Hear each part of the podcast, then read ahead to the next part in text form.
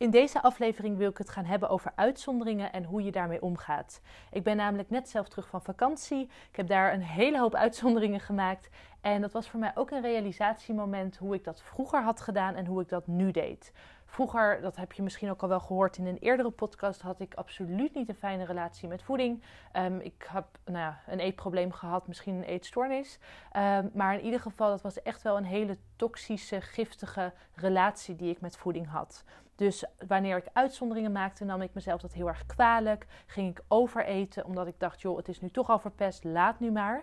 En ik merkte heel erg, en dat heb ik gelukkig al een langere tijd, maar ook weer tijdens deze vakantie, dat ik zoveel meer rust gevonden heb in eten, in het maken van uitzonderingen, in eten wat ik lekker vind. En ja, ik wil je graag met, dat, met je delen hoe ik dat een soort van heb gedaan. Allereerst wil ik zeggen dat dat echt een lang proces is geweest en dat ik niet in één keer weer een hele fijne relatie had met voeding.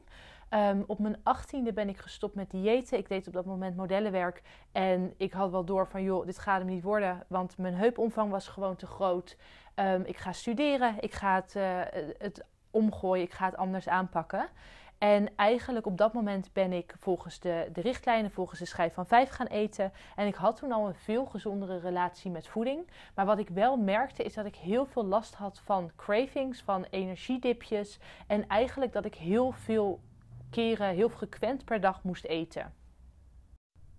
Dat is compleet veranderd sinds ik koolhydraatarm eet. Dat is nu ongeveer drie jaar geleden. Ik merk nu dat ik heel constant zit in mijn verzadiging, in mijn energie. Ik eet ongeveer drie keer per dag. Misschien uh, af en toe s'avonds nog iets. Dus dan is het vier keer per dag. Maar absoluut niet meer de vijf. Nou ja, dat was wel zeven, acht keer per dag dat ik voorheen deed. Dus dat is mijn eerste stap die mij echt veel meer rust rondom voeding heeft gegeven. Dat ik gewoon ja, niet constant zin heb in eten. Constant weer iets moet gaan bedenken wat dan gezond is en waar ik me goed bij voel. Um, want dat geeft gewoon een hele hoop onrust. En dat neemt ook natuurlijk heel veel headspace in om constant maar met die maaltijden en met eten bezig te zijn.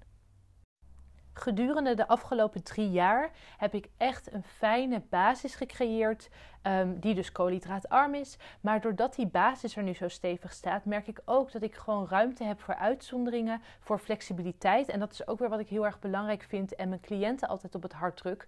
Weet je, je, je leven gebeurt. Er zijn verjaardagen, er zijn borrels, er zijn vakanties. En het zou mij heel vervelend lijken als ik dan constant het idee heb, en ik weet trouwens ook hoe dat voelt, als je constant het idee hebt dat je uitzonderingen maakt die je eigenlijk niet zou mogen maken, waar je je dan schuldig over gaat voelen, dat je vervolgens dus in zo'n craving of in een hele neerwaartse spiraal belandt. En inmiddels weet ik dus ook hoe het anders kan. En dat je daadwerkelijk die uitzonderingen en die flexibiliteit kan inbouwen, zodat het ook veel makkelijker is om een gezonde leefstijl vol te houden. Hoe dat er tijdens mijn vakantie uitzag, was dat ik nog steeds veel aandacht besteedde aan voldoende eiwitten en voldoende vetten. Ik weet namelijk dat als ik niet voldoende eiwitten eet, en dat geldt overigens voor iedereen, dan ga je snaaien, dan krijg je trek, dan ga je minder goede keuzes maken. Dus waar ik op let is dat mijn hoofdmaaltijden altijd voldoende eiwitten bevatten. Dus ook als ik bijvoorbeeld uit eten ga, dan kies ik snel voor uh, bijvoorbeeld een eigen gerecht. Als dat bijvoorbeeld bij het ontbijt is, dat heb ik nu eventjes in mijn hoofd. Um, of als dat bijvoorbeeld s'avonds is, dat ik voor vlees of vis kies. Zodat je in ieder geval zeker weet dat jij in je eiwitbehoeften voorziet. En dat je niet allemaal vervelende cravings krijgt omdat je gewoon niet voldoende hebt gegeten. Dan hebben we natuurlijk het vetcomponent, wat ervoor zorgt dat jouw bloedsuiker daadwerkelijk stabiel blijft. Kijk, als jij heel laag in je eiwitten gaat zitten, maar ook vervolgens laag in je vetten, dan zorgt het ervoor dat jouw bloedsuiker omhoog schiet en dat je dus weer in die soort van energie-rollercoaster terechtkomt. Dus dat je eerder cravings krijgt, maar ook dat je een dip krijgt in je energie. En dat is natuurlijk wat je juist wil voorkomen, want dat is ook wat ik altijd bedenk, zeker op vakantie. Kijk, als jij een verjaardag hebt of een borrel hebt, dan is het natuurlijk één moment. Dus als jij dan een uitzondering maakt, joh, je pakt de volgende dag lekker de draad op, helemaal geen probleem. Maar zeker tijdens de vakantie wil je je natuurlijk ook gewoon fit voelen. Je wilt je lekker voelen en niet dat je alleen maar ja, dipjes hebt in je energie. Dat je eigenlijk gewoon niet zo lekker in je vel zit. Dus dat is ook vaak de afweging die ik maak. Of misschien niet eens zozeer de afweging, maar wel wat er bij mij nu zo in zit en wat bij mij zo de basis is, dat ik me gewoon goed wil voelen. Dus dat ik ook weet van oké, welke maaltijden heb ik nodig om me daadwerkelijk goed te voelen, om lekker te kunnen hiken, om uh, lekker gewoon nou ja, uh, leuke dingen op vakantie te kunnen doen, in plaats van dat ik alleen maar heel erg hoog in mijn koolhydraten zou gaan zitten, want ja, dan voel ik me helemaal niet goed. Dus misschien is dat leuk voor even en een, een uitzondering, een uh, een ijsje of een bepaalde maaltijd, een pastaatje, wat ik, waar ik absoluut blij van word. Het ijs iets minder. Ik hou niet zo van ijs, maar ik hou wel heel erg van zoetigheid. Maar ik weet ook als ik daarmee opsta, als ik dat bij de lunch doe en bij het avondeten en misschien nog een snack tussendoor, ja, dan, dan voel ik me niet goed. Dus dan kan ik ook niet optimaal van mijn vakantie genieten. Wat ik daarom zelf doe, en eigenlijk is dit onbewust, maar omdat ik natuurlijk ook cliënten begeleid en die ook help van joh, wat doe je dan tijdens de vakantie en hoe pak je dat aan? Wat, wat ik altijd aanraad en wat ik dus zelf ook doe, is dat ik kijk van oké, welke uitzondering maak ik op een dag? Dus ik hou het eigenlijk een beetje bij één uitzondering, omdat ik dan weet dat de basis nog steeds voldoende goed is, dat ik me daar nog steeds prettig door voel, dat ik ook niet met een uh, opgeblazen buik rondloop, want dat is natuurlijk ook alleen maar vervelend op je vakantie. Dus eigenlijk als jouw redenen groot genoeg zijn om in de uh, in de basis koolhydraatarm te eten. Ja, waarom zou je dat compleet verliezen als je op vakantie gaat? Want wat ik al zei, dan voel je je alleen maar slechter. Je kan niet echt genieten van je vakantie. Dus wat ik zelf doe, is dat ik, wat ik, ja, wat ik zeg, best wel onbewust, maar uiteindelijk komt het daar wel op neer dat ik ongeveer dan maximaal één uitzondering per dag maak. En dat kan dus een hoofdmaaltijd zijn, dat kan een bepaald gebakje zijn. Um, maar dat is voor mij een beetje de afweging dat ik denk, ik blijf me goed voelen. Ik blijf de voordelen van koolhydraatarm ervaren. Maar ik heb wel de ruimte en de flexibiliteit om ook gewoon ja, bepaalde specialiteiten van het, van het gebied, van het land uit te proberen. Uh, ja, ook een beetje de, de teugels te laten vieren. En niet het idee te hebben dat je jezelf alleen maar restricties oplegt. Want ik weet zelf dat ik daar heel onrustig van word. En dan juist recalcitrant word en denk, nou, laat maar. Um, en ik denk heel veel mensen met mij. De kans is groot dat jij dit luistert en denkt, ja, dat heb ik ook. Dus weet je, maak daar voor jezelf ook een, uh, een ja, creëer daar een bepaalde balans voor jezelf in. Van oké, wat is voor jou haalbaar? Dat je enerzijds dus wel die gezonde balans behoudt waarmee je je goed voelt, maar anderzijds ook ruimte hebt en flexibiliteit hebt om gewoon te genieten van je vakantie. Wat ik je als praktische tip wil meegeven is om je ontbijt zoveel mogelijk koolhydraatarm en hoog in eiwitten en vetten te houden. Omdat dit bepalend is voor je bloedsuiker gedurende de dag. Dus als jij je ontbijt bijvoorbeeld zou uh, beginnen met iets heel zoets, dan heb je ook gedurende de dag veel meer last van een hoge bloedsuiker. Dus weer die energiedipjes, meer cravings. Terwijl dat als jij bijvoorbeeld een omelet zou eten s ochtends, dan zit je veel stabieler gedurende de dag. En kun je dus ook weer gezondere keuzes maken, maar voel je je ook gewoon een heel stuk beter. Dus dat is wat ik zelf ook vaak doe, dat ik eigenlijk altijd wel een koolhydraatarm ontbijt heb. Weet je, natuurlijk een uitzondering daar gelaten als wij gaan ontbijten en er staan uh, misschien pannenkoeken op het, uh, op het menu. Als ik te denken, zou ik dat dan doen? Ja, misschien wel. Weet je, af en toe heb ik ook zin in pannenkoeken, laten we eerlijk zijn. Maar in principe, in de regel, probeer ik wel zoveel mogelijk mijn ontbijt koolhydraatarm te houden. Omdat ik gewoon weet dat ik me beter voel gedurende de dag. Ik krijg ook best wel snel last van een opgeblazen buik. Um, een opgeblazen gevoel dus ook. Ja, en ik, ik loop dan niet heel erg lekker mijn vakantiedag door als ik daar ochtends al mee begin.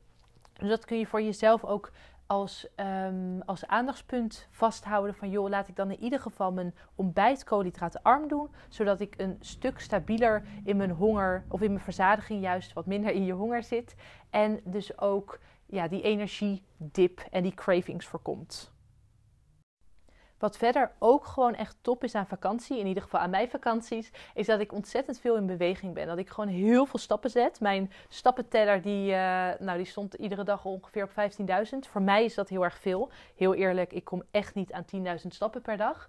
Um, maar op vakantie zeker wel en nog veel meer dan dat. Dus ook daarin is er weer wat meer ruimte voor koolhydraten. Kijk, als jouw lichaam daadwerkelijk die koolhydraten verbrandt, dan gebeurt er niet zoveel. Dus als jij meer koolhydraten eet, maar je bent in beweging, dan blijft jouw bloedsuiker alsnog stabiel. Dus ook daarin mag je die flexibiliteit wat meer opzoeken. En ja, die, die is er ook gewoon. Dus ik hoop dat ik je daardoor ook wat meer rust, wat meer peace of mind kan geven. Dat zeker als jij meer in beweging bent tijdens vakantie, over het algemeen ervaren we ook minder stress. Wat heel erg positief is, voor onze cortisol, ons stresshormoon en daardoor ook voor het stabiel houden van je bloedsuiker. Dus wat dat betreft is een vakantie ook wel een moment dat je gewoon net wat hoger in je koolhydraten kan zitten en je daar vooral ook niet schuldig over hoeft te voelen. Want dat is ook wat ik vaak tegen cliënten zeg, weet je, het gaat niet om de uitzondering die jij maakt, het gaat om jouw mindset eromheen. Als jij jezelf dat gaat kwalijk nemen, als jij jezelf gaat uh, voornemen van joh, het maakt toch wel niet meer uit en het belandt in een eetbui, ja, dat is heel vervelend. Zeker als dat ook langer duurt, als meerdere dagen duurt. Maar als jij een uitzondering maakt en denkt, joh, helemaal prima, we gaan gewoon door waarmee we gebleven waren, dan is er niet zoveel aan de hand. Dan valt dat echt allemaal ontzettend mee. En wat ik je als laatste tip wil meegeven, is om na een uitzondering of zeker na een vakantie niet meteen op de weegschaal te gaan staan. Ik hoor dit zo ontzettend vaak en heel eerlijk, ik was hier vroeger zeker ook schuldig aan. Dat ik dan de schade wilde opnemen en meteen wilde kijken wat, nou ja, wat ik aangekomen was. Maar zeker als jij in de gehele linie of als jij normaal koolhydraatarm eet, wat meer koolhydraten hebt gegeten, dus op, tijdens een uitzondering of tijdens je vakantie, dus wat meerdere dagen, dan ga je gewoon meer vocht vasthouden. Als je namelijk meer koolhydraten eet, dan houdt je lichaam gewoon meer water vast. Dus wat je dan op de weegschaal ziet, is over het algemeen gewoon grotendeels water. Zeker als het bijvoorbeeld een etentje was, ja, alsjeblieft, ga niet de volgende dag op de weegschaal staan. Want het is super demotiverend. Eigenlijk is het ook heel onaardig tegen je, naar jezelf toe. Want je bent jezelf aan het afstraffen van, joh, ik weet al dat ik een, uh, nou ja, dat ik een uitzondering had gemaakt. En vervolgens ben je jezelf dan een beetje met de neus op de feiten aan het drukken van oké, dit had ik niet moeten doen, dit doe ik verkeerd. En dan is het heel lastig om juist weer die positieve flow vast te houden waar je mogelijk daarvoor in zat. Dus ik raad dat altijd af. Ik ben sowieso niet echt een fan van de weegschaal. Maar als je dan toch op de weegschaal gaat staan, doe dat alsjeblieft niet meteen nadat je terugkomt van vakantie, want daar heb je helemaal niks aan. Ik hoop dat ik je met deze aflevering gerust heb kunnen stellen dat uitzonderingen echt oké zijn. Maak je daar vooral niet te druk om. Geniet lekker van je vakantie. Probeer nieuwe dingen. Echt, dat hoort er, nou ja, naar mijn idee bij om een nieuwe cultuur te leren kennen, om op vakantie te zijn. En ja, weet je, juist door die flexibiliteit en die uitzonderingen in te bouwen, weet je zeker dat je een blijvende leefstijlverandering te pakken hebt. Want wat ik heel erg merk als je zo in dat zwart en wit zit, dan, ja, dan ontstaat er eigenlijk gewoon een ellenlange lijst met dingen die je niet mag van jezelf.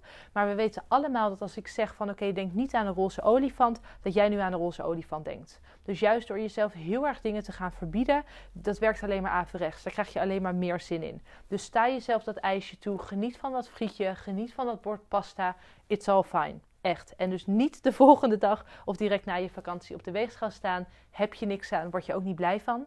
En ja, weet je, het, het, je wil een bepaalde balans creëren. Als je dat te pakken hebt, dan kun je pas echt een gezond en gelukkig leven leiden.